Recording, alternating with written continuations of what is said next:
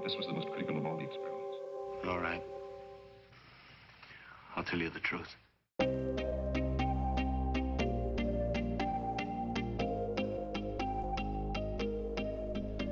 Hej och välkomna tillbaka till avsnitt 8 av eh, Sverigesyndromet och Mattias berättar. Alltså avsnitt 3 av Mattias berättar. Och jag sitter på ett eh, hotell i Skara faktiskt. Eh, nu, jag ska eh, jobba lite imorgon så fick.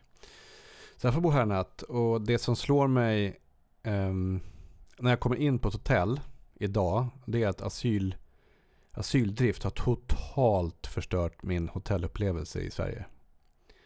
Utomlands då man på semester så det är en helt annan sak. Men att gå in på ett hotell för mig i Sverige det luktar och känns speciellt som, som många av de asylboenden som jag har Eh, jobbat i och på gamla hotell. Okej, okay. eh, det här avsnittet eh, kommer att heta Den demokratiska diktatorn. För jag tror att det är eh, en mycket roligare rubrik. Okej, okay. den 29 oktober 2014 eh, så eh, rapporterade UNT i Uppsala att ett 60-tal boende på asylboendet i Ribbingebäck påbörjade Eh, dagarna innan en hungerstrejk. De protesterade mot att barnen inte får gå i skolan, de bor trångt och att det inte finns tillräckliga möjligheter att ta sig till mataffär och sjukvård. Hungerstrejk. Jo då. Det var alltså, artikeln finns för övrigt att läsa på UNTs hemsida. Vilket gör att eh, eventuella namn och annat som jag tar upp nu eh, finns ju fullt dokumenterat eh, för alla att läsa. Alltså hungerstrejk. Eh, vänta nu här. Jag gick alltså från att eh, inte ha en aning om vilka asylboende var till att behöva hantera eh, en hungerstrejk på en anläggning med 180 eh, asylsökande. Tack så mycket. Alltså nu kommer ju inte det som en blixt från klar himmel. Kan jag ju säga. Utan det har ju, fanns ju... Det, det byggdes upp ett tryck på anläggningen. Jag kunde känna det varje, varje dag att någonting var på väg att hända. Det var några stycken som liksom ökade tonläget och ökade pressen på mig. Eh, och eh, jag har lärt mig att eh, jag, jag, tror jag kan lukta mig till vilka som är för vilka regioner i Mellanöstern på det sättet som de startar konflikter idag. Och i det här fallet då, så, um, så, så började det eh, öka trycket på anläggningen. Liksom, eh, konfliktnivån ökade.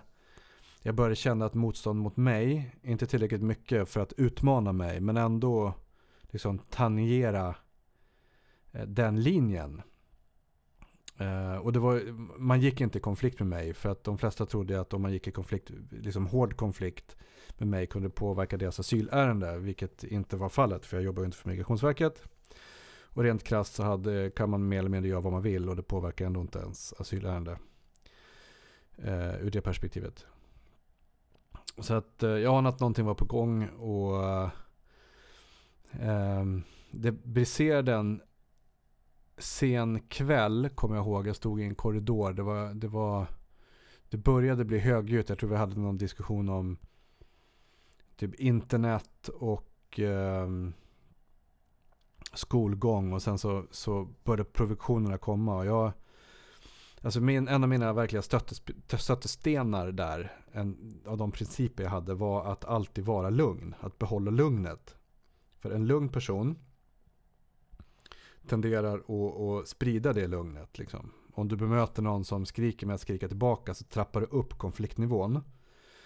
Och mitt val var att hålla konfliktnivåerna så låga som möjligt. Eh, framförallt med tanke på att människor från Mellanöstern, eller män från Mellanöstern som var mest drivande. Också har en tendens att liksom prata högljutt och kan låta lite arga och veva mycket med armarna och är liksom lite teatriska i det de vill. Så här, det är mycket så här, man bröstar upp sig eh, liksom mer än vad man gör i Sverige. Italienarna är lika, nu när jag tänker efter, har lite grann samma tendenser.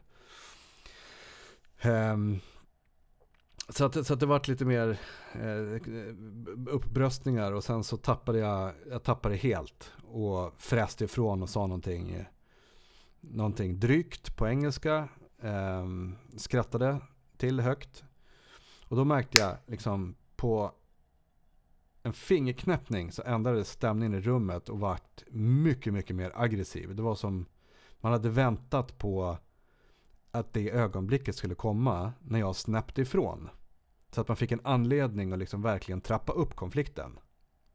Alltså det var ett bakhåll. Så reagerade jag på det. Eh, det, det vart ingen stor grej av det så. Det vart liksom inget eh, fysiskt utan vi eh, hade en lång liksom, vild diskussion och sen så bröt jag det genom att liksom, mer eller mindre bara tvärsluta den. Så, det blir inget mer snack nu. Så, fast på engelska gick um, Och sen en kväll så, så fick jag veta att det var en hungerstrejk som var planerad. Um, av någon som inte ville att det skulle vara en hungerstrejk.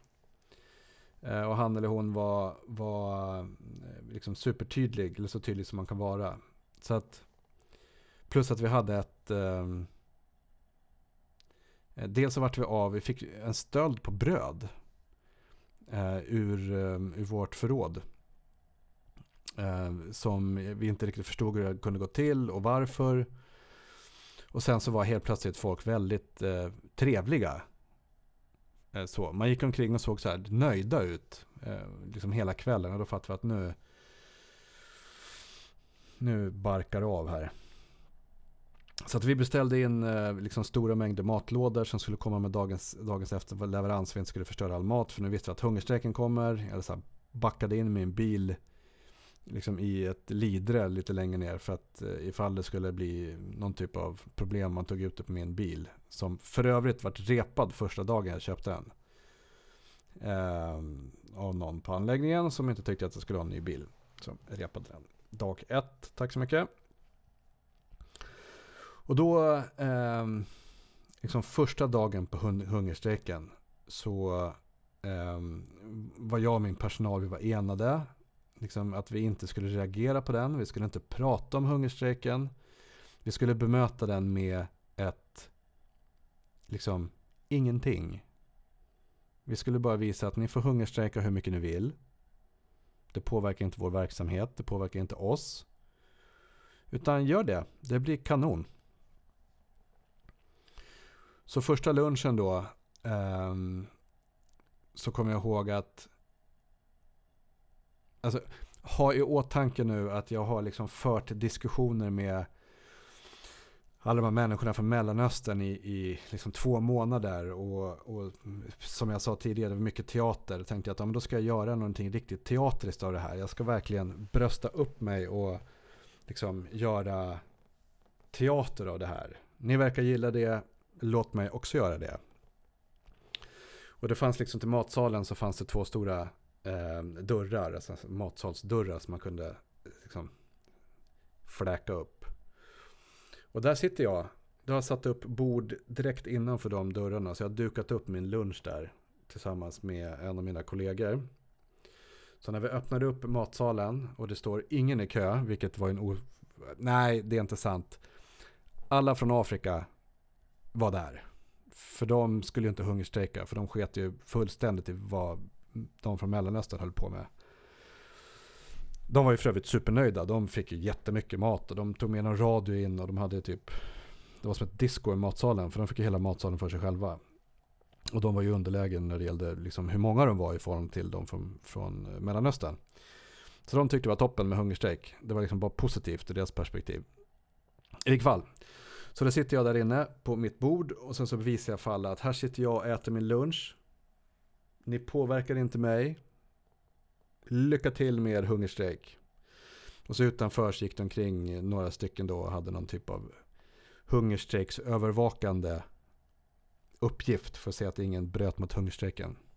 Det var för övrigt inga barn som heller kom åt då, vilket, eh, eh, vilket vi kraftigt ogillade Därför att det, så får man inte göra. I vilket fall. Så jag satt där och åt min lunch i två och en halv timme och visade hur mycket jag inte brydde mig. Um, och den här inte-svaret på hungerstrejken, det här totala ointresset. på deras hungerstrejk. Det vart nog lite frustrerande också. Ehm, jag gjorde för övrigt så på, på kvällen också. Satt jag där på min. Visade hur mycket jag inte brydde mig. Eh, vilket för övrigt var ganska roligt. Jag tyckte det var kul. Det, för mig var det som att spela tv-spel ungefär. Eller spela teater. Det var ganska roligt. Eh, och sen så eh, ville ju... Det fanns någon lista någonstans på alla krav som skulle framställas och där, därmed hungerstrejk. Eh, som man hoppades att vi skulle gå med på då. då. Uh, och den listan hade man ju så, men man visade den inte för mig, man ville visa den för någon annan, man ville prata med journalister. Så att uh, jag ringde in lite journalister som fick komma och, och som fick komma och träffa alla som hade hungerstrejk då. Eller inte alla som hade hungerstrejk, men de som ville diskutera. Så att, ja, ja men det är bra, ni kan gå ner i den här Snickargården heter det. Det var en byggnad som låg lite längre ner, det var en stor eh, lektionssal. Det här är dagen efter då. Um, och det kommer journalister, jag har ringt in dem, de kommer från UNT. De får, uh, ni får ta två timmar, prata med dem, säg vad ni vill. Jag går och äter lunch länge. Så fick de härja fritt ner i Snickargården och prata med journalisterna och ställa sina krav och bli intervjuade och diskutera och sådär. Uh, och det är för övrigt också en, en ställning som vi alltid hade, att journalister var välkomna Eh, till anläggningen. Liksom vi, vi stoppade inte journalister för att komma in på anläggningen. Om det inte var så att eh, ett äventyrade anläggningens säkerhet. Alltså att det skulle röra till mer än vad som gick att hantera på anläggningen. Um, för ett journalistbesök kan också liksom generera massa problem. Ehm, jag kan komma tillbaka till det. Um, eller om uh, liksom det fanns säkerhet, andra säkerhetsproblem. Men överlag så välkomnade vi journalister i sådana här ärenden. För att prata med boende. Um, och jag kommer ihåg att jag gick ner till de här, inte, egentligen inte för att avbryta, utan jag hade bokat en tid där för mig med eh, journalisten Staffan, tror jag han hette. Och så jag gick ner dit och skulle kolla hur det gick och jag skulle hämta honom för att vi skulle gå upp och, och ha ett eget, han skulle intervjua mig och, och då hade han fått den här listan på, på krav då. Och då noterade jag en annan sak, att jag kom ner där och de har haft, haft typ två timmar på sig att diskutera med journalisterna. Och så kom jag ner och så ska jag bara liksom ta journalisten på axeln och säga det att, att ja, men nu, nu verkar ni vara klara, ska vi gå och ta vår intervju? Och det blev ju ett jävla liv. Och det togs upp mobilkameror och det filmades och det var liksom folk började stå och samlas runt den. Det blir liksom som en klase av människor. För att liksom få det att se ut som om jag hindrade dem från att prata med journalisten. Medan i själva verket var det jag som hade tagit dit journalisten. De hade haft typ två timmar. Eh, och nu var det min tur att prata med journalisten. Så det fanns liksom ingen, inget hindrande i frågan. Däremot på videofilmerna så ser det ju galet ut. För då ser det ju ut som en situation som inte var. Vilket ett visar strategi i att liksom få med sig media eller, eller få filmer och förmedlat innehåll som kanske egentligen inte är där. Var vaksam säger jag om det. Men också en strategi att använda sig av de situationerna för att vid ett senare tillfälle kunna använda något förmedlat förmedla ett budskap. Rätt eller fel, sant eller falskt.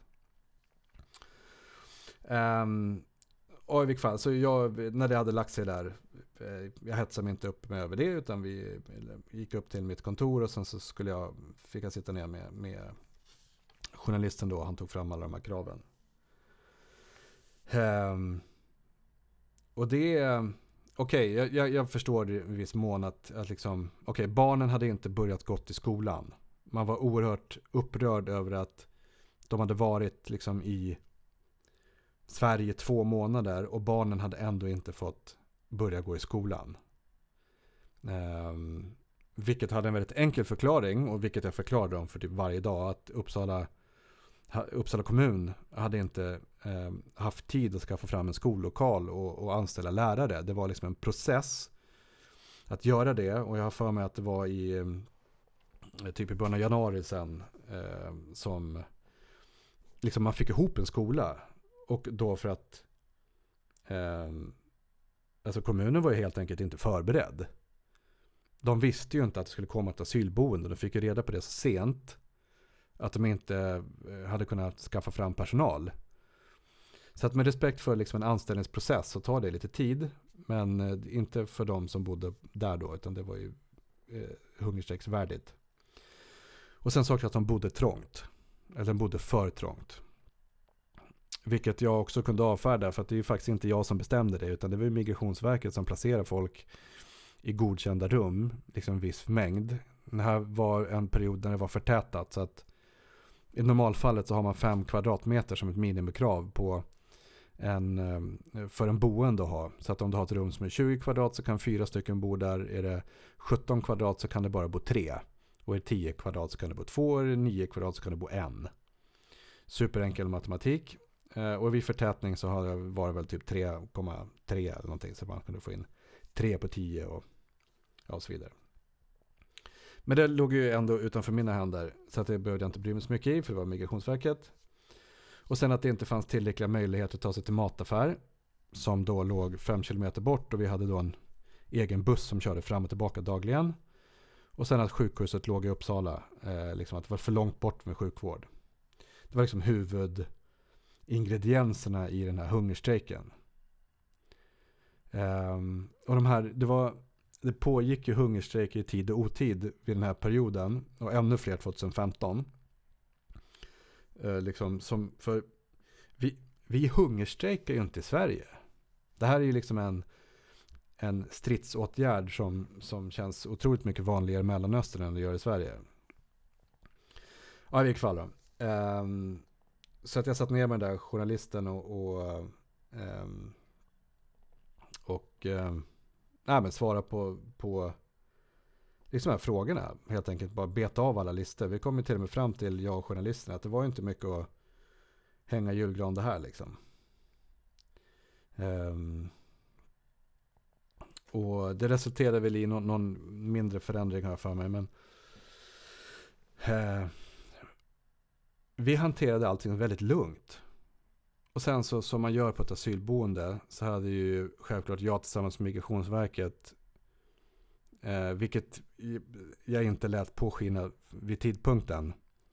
Jag hade ju redan förberett en förflyttning av liksom, riskelement. Um, och med riskelement är den som är mest uppviglande då. Och um, de skulle förflyttas och det var redan förgjort. Det visste jag nog till och med redan innan vi hade det där journalistmötet. Men då fick de ett besked om att de ska flytta. Um, vilket är ju... Alltså att flytta människor mellan asylboenden på grund av, av, problem. Det kan ju antingen vara för att människan gör tillräckligt mycket problem och vill flytta någon annanstans. Alltså en medveten strategi för att bli förflyttad, eh, vilket man inte blir annars. Eh, med förhoppning om att man ska komma till en lägenhet eller att man ska komma till, till ett bättre boende. Och ett bättre boende innebär liksom stadsnära. Någonstans med egen toalett och dusch på rummet eh, asylsökande pratar väldigt mycket med varandra på andra anläggningar. Så man har ganska bra koll på vilka boenden som är bra och dåliga och vad som finns på andra boenden och i förhållande till sitt eget. Så, så tror man alltid att andra boenden är bättre. Och sen är det ofta överdrifter som gör att man Ehm, liksom tror att alla andra boenden är bättre. Motåtgärden då är att man skickar upprorsmakare till, eh, till anläggningar som är riktigt, riktigt, riktigt kassa. Alltså på gränsen till ovärdiga. Så. Om, och, eh, här kanske Migrationsverket då skulle uppleva att man inte alls gör så. Men jag har gjort det här så många gånger. Så att, eh, tillsammans med dem. Så det, det, och det är faktiskt viktigt. Det är otroligt viktigt att ha den möjligheten att hantera en konflikt. Att flytta en bråkmakare till en plats som är sämre. Så att de inte ringer tillbaka och har fått en lägenhet för då har man ju liksom en helt... Då har man en anläggning i uppror efter sig. För då vill ju alla starta bråk för att bli förflyttad till eh, en lägenhet eller till en bättre anläggning. Så det får liksom aldrig bli vara förflyttningar till en bättre anläggning. Och um, så, så, han får den där lappen och sen så konstaterar vi krasst tillsammans med socialtjänsten att um, om ni Ja, alltså om ni inte låter era barn äta eh, nu så eh, kommer ju, finns det risk att socialtjänsten kommer hit och, och, och, i slutändan så kan det helt enkelt resultera i en konsekvens när det gäller barnen. Eh, för man kan ju inte sätta barn i hungerstrejk, mindreåriga barn i hungerstrejk. Det är ju absurt. Eh, och med tanke på att man inte fick förvara mat på rummen av hygienskäl så kunde man ju, vi konstaterade snabbt att nu hade de ju snott massa bröd så det, var ju, det fanns ju bröd i alla fall. Men, um, men det tog ju skruv så då kom ju åtminstone barnen tillbaka åt. Och sen så um, efter de här åtgärderna då så, så avbröts ju hungerstrejken för man ansåg att man hade blivit lyssnad på. Um, och, så att lugn, liksom, strategi och öppenhet var liksom vägen till att hantera hungerstrejken. Inte att möta den med liksom, våld och en upptrappad konfliktnivå. Men sen skulle i vilket fall det här elementet eh, liksom förflyttas från anläggningen då. Och det är klart att det var dramatiskt. Alltså alla visste att någon skulle bli förflyttad. Ehm, och alla fattade att jag låg, var med och låg bakom det. Även fast jag inte erkände det för någon då. Jag hade någon så här dramatiskt tillfälle när jag sa det. Att, när han skulle åka. Att, att uh, I'm sorry I wasn't a better manager for you. I hope you get a better one at the next place. Och så tog vi hand. Liksom en total signal, signal som han då såklart förstod. Det tyckte jag var väldigt mellanösternaktigt av mig. Eh, så. Ehm, undercover. Ehm, och i och med att det hade på, pågått under ett tag så jag var ju också såklart liksom under mitt lugn ganska, jag var skitförbannad. Liksom, och hade ju en, liksom, en anläggning som nu var rubbad ur ett eh, normalläge där folk var så här stressade, tysta, de hade haft en hungerstrejk som blivit någonstans kväst. Och liksom, modet hade gått ut dem och det var en ganska så deprimerande stämning på anläggningen. Och det påverkade mig också. Eh, så, såklart, det, det är jättemycket. Men vi var ju tvungna att slutföra och jag kommer ihåg att Eh, det var beställt typ taxibilar. Eller något. Jo, taxibilar var det som kom. Som skulle köra dem till nya anläggningar. Det var, där var ju barn inblandade som skulle förflyttas också. Um, som grät. Och vi hade plockat ut nallar liksom, som de skulle få på vägen. Och, och, det var mycket liksom, gråt. Och hela anläggningen stod ute på den här planen och tittade på när det hände. Och jag stod liksom jag hade alla bakom mig. Om ni, om ni tänker er att det är en herrgårdsbyggnad som ni har bakom er. Och sen så framför mig så finns det då eh, en eller två bilar med, med, som ska transportera. Och så ska de köra runt en liten grusplan här, flaggstången som jag pratade om i, i ett avsnitt när vi hanterade hungers, eh, slagsmålet. Och där stod jag och hade bestämt mig för att jag skulle vara det sista man såg när man lämnade anläggningen. Och det skulle liksom vara ett, jag vill inte jag ville stå för mitt beslut och jag ville visa för alla att jag gör det. För det kändes viktigt eh, och det kändes som liksom en, bra väg att gå. Och sen så åker de, rullar de ut från anläggningen och så ser de här barnen gråta. Och nu har det gått två månader alltså sedan vi öppnade. Och då tänkte jag att jag tänkte säga, vad håller jag på med? Liksom det, jag skickar... Jag förflyttar människor liksom från barn från nya vänner. Liksom. Jag bryter upp familjer som då borde vara i... Som kommit från kris och kommer hit och borde ha ett lugn. Och sen så är jag liksom en del i att splittra. Alltså det kändes hemskt och börja storgråta. Eh, liksom eh, värdigt. Så ingen snor. Men bara tårarna bara rinner ner för ansiktet. Jag står där i, liksom framför alla. Och bara stod där. Ganska länge och bara grät. Och det var ju helt tyst. Alla, alla såg ju det såklart. Och det var helt tyst. Um, och sen gick jag bara rakt ut i skogen. Och satte mig på en stubbe och, och Alltså det måste ha tagit en halvtimme, 40 minuter för mig att hämta mig.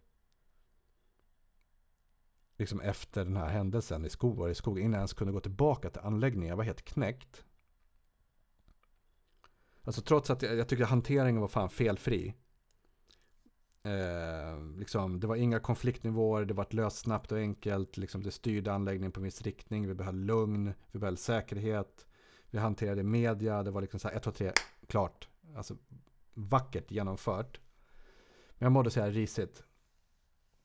Eh, och sen så låste jag in mig på kontoret i typ, ja, säkert två dagar.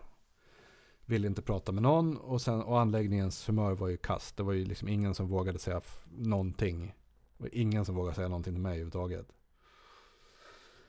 Ehm, men den, eh, den händelsen, alltså det... Att jag stod där och grät fick jag reda på efteråt, från, åtminstone från Mellanöstern håll. Att det var, var... Jag ska inte säga att jag fick respekt, för jag tycker att det uttrycket är ganska töntigt överlag.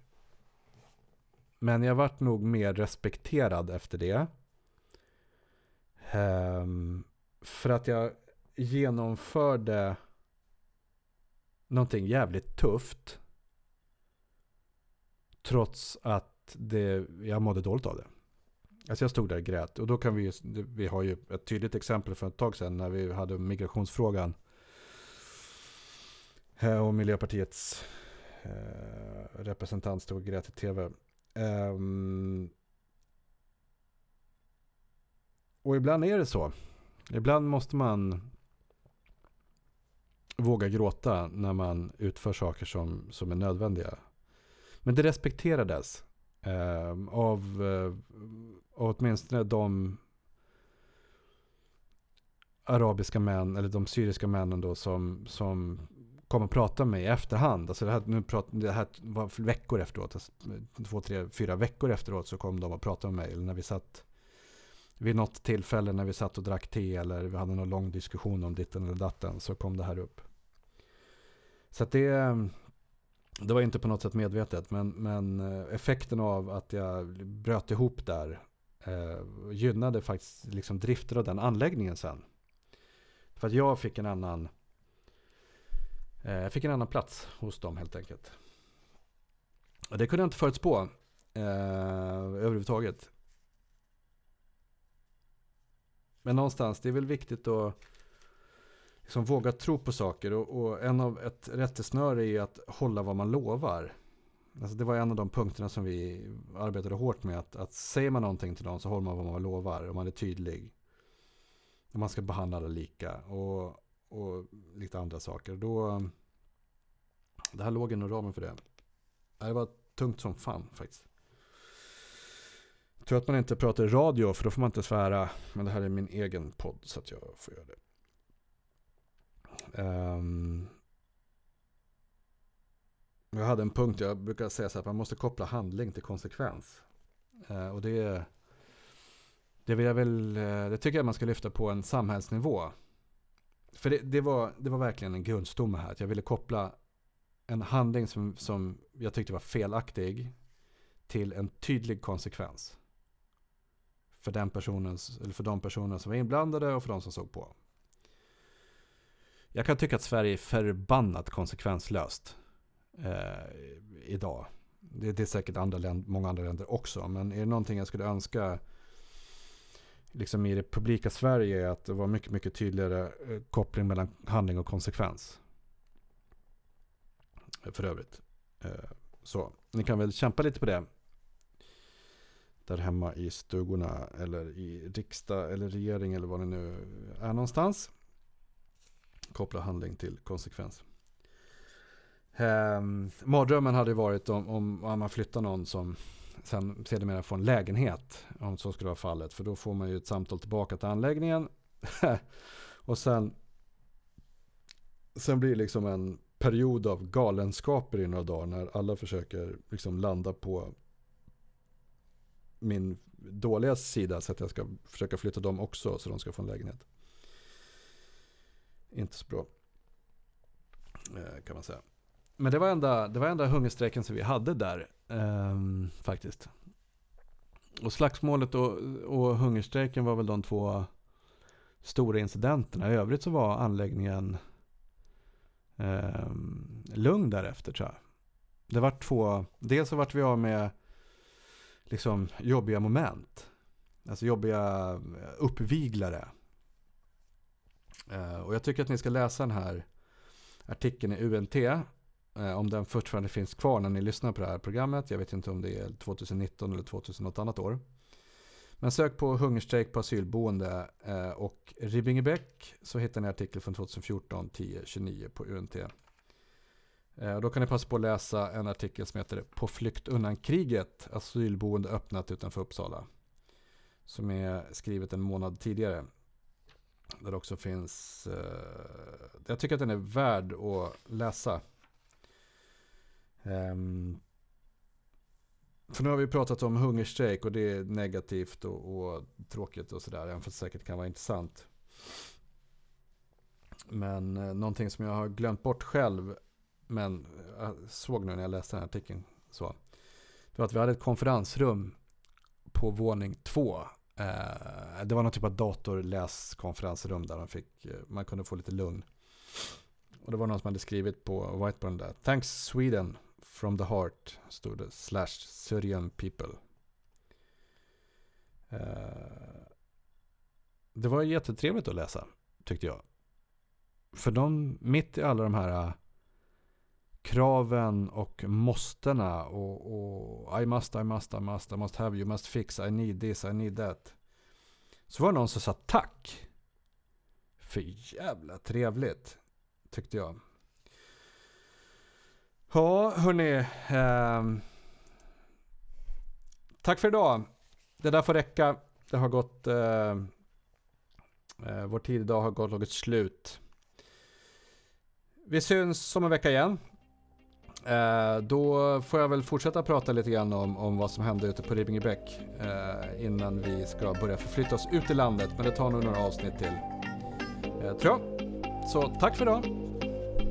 Och vi syns om en vecka.